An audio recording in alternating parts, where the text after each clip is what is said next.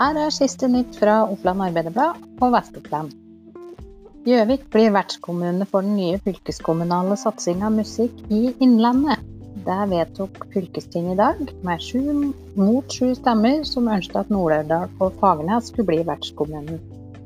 På Gjøvik ble det sporenstreks invitert til kakefest da vedtaket var i havn. Det nye omsorgssenteret på Biri eh, har møtt på uforutsette problemer. Bygget har vært fullt av muggsopp. Dette skal ha oppstått pga. mye regn i vinter, mens byggemateriell fortsatt var til lagring utendørs. Gjøvik kommune forsikrer at alle nødvendige grep tas for at bygget skal være helt fritt for muggsopp når det tas, i bruk på nyåret. Og 16 ordførere har signert på et brev som ble overlevert til fylkestinget som var samlet i dag. I brevet kreves det at fylkespolitikere forsikrer seg om at pengene som skal gå til sykehusutbygging i Innlandet, ikke forsvinner til en gigantisk utbygging i Oslo.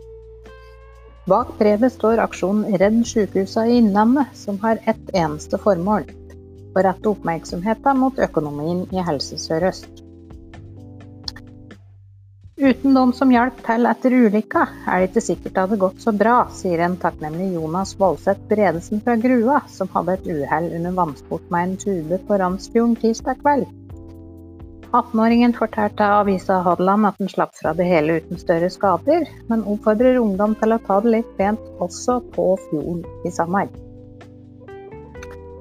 Så tar vi med at den kjente design- og møbelbutikken Kiel flytter fra Gjøvik sentrum til eh, nye lokaler ved Plantasjen på Huntonstranda. Her skal det bli en ny bydel. Den nye byen kommer ved Mjøsa, sier gründer Frank Kiel. Dette var noen av dagens nyheter fra Oppland Arbeiderblad. Flere finner du på oa.no. Mitt navn er Stina Håkensbakken Roland.